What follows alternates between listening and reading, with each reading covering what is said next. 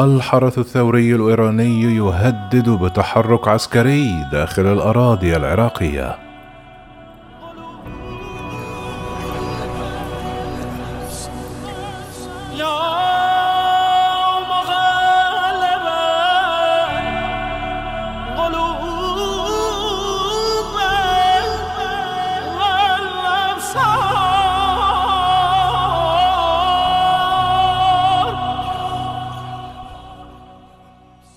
كرر الحرس الثوري الإيراني اليوم الخميس تهديداته بالتحرك على الأراضي العراقية وتنفيذ ضربات ضد ما وصفه بالأهداف الإسرائيلية.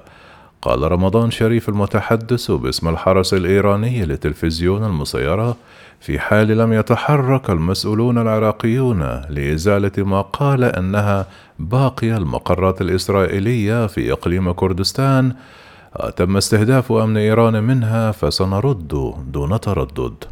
كما اعتبر أن من حق بلاده الطبيعي تدمير المقر الذي ينطلق منه اعتداء على الأمن الإيراني واصفا الأمر بالخط الأحمر. إلى ذلك زعم أن السفير الإيراني في العراق أوضح أنه تم تحذير إقليم كردستان بشأن المقر الذي ضرب الأسبوع الماضي بشأن وجود مقرين آخرين أيضا وفق قوله. في الثالث عشر من مارس أعلن الحرس الوطني الإيراني مسؤوليته عن هجوم بصواريخ باليستية. استهدف مدينة أربيل في شمال العراق زاعما أنه استهدف المركز الاستراتيجي للتآمر الإسرائيلي. كما حذر من أن تكرار استهدافه من قبل الإسرائيليين سيواجه بردود قاسية ومدمرة. في إشارة إلى أي غارات إسرائيلية جديدة قد تستهدف عناصره أو مقاره متعهدا بالرد عليها بحسم.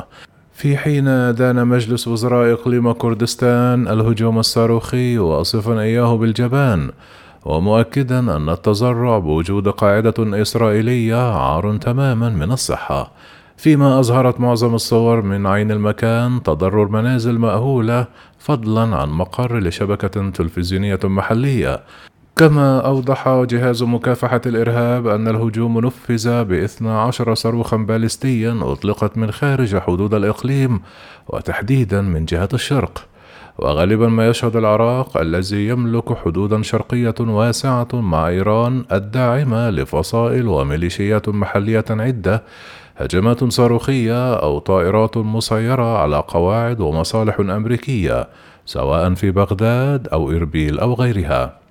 منذ اغتيال الولايات المتحدة الأمريكية لقائد فيلق القدس الإيراني قاسم سليماني ونائب رئيس هيئة الحشد الشعبي أبو مهدي المهندس في يناير من عام 2020 استهدفت عشرات الهجمات مصالح أمريكية بصواريخ وطائرات مسيرة كما استهدفت طهران في الثامن من يناير من عام 2020 ردا على هذا الاغتيال ب 22 صاروخا باليستيا قاعدة عين الأسد غربا وقاعدة أربيل شمالا اللتين تضمان قوات أمريكية.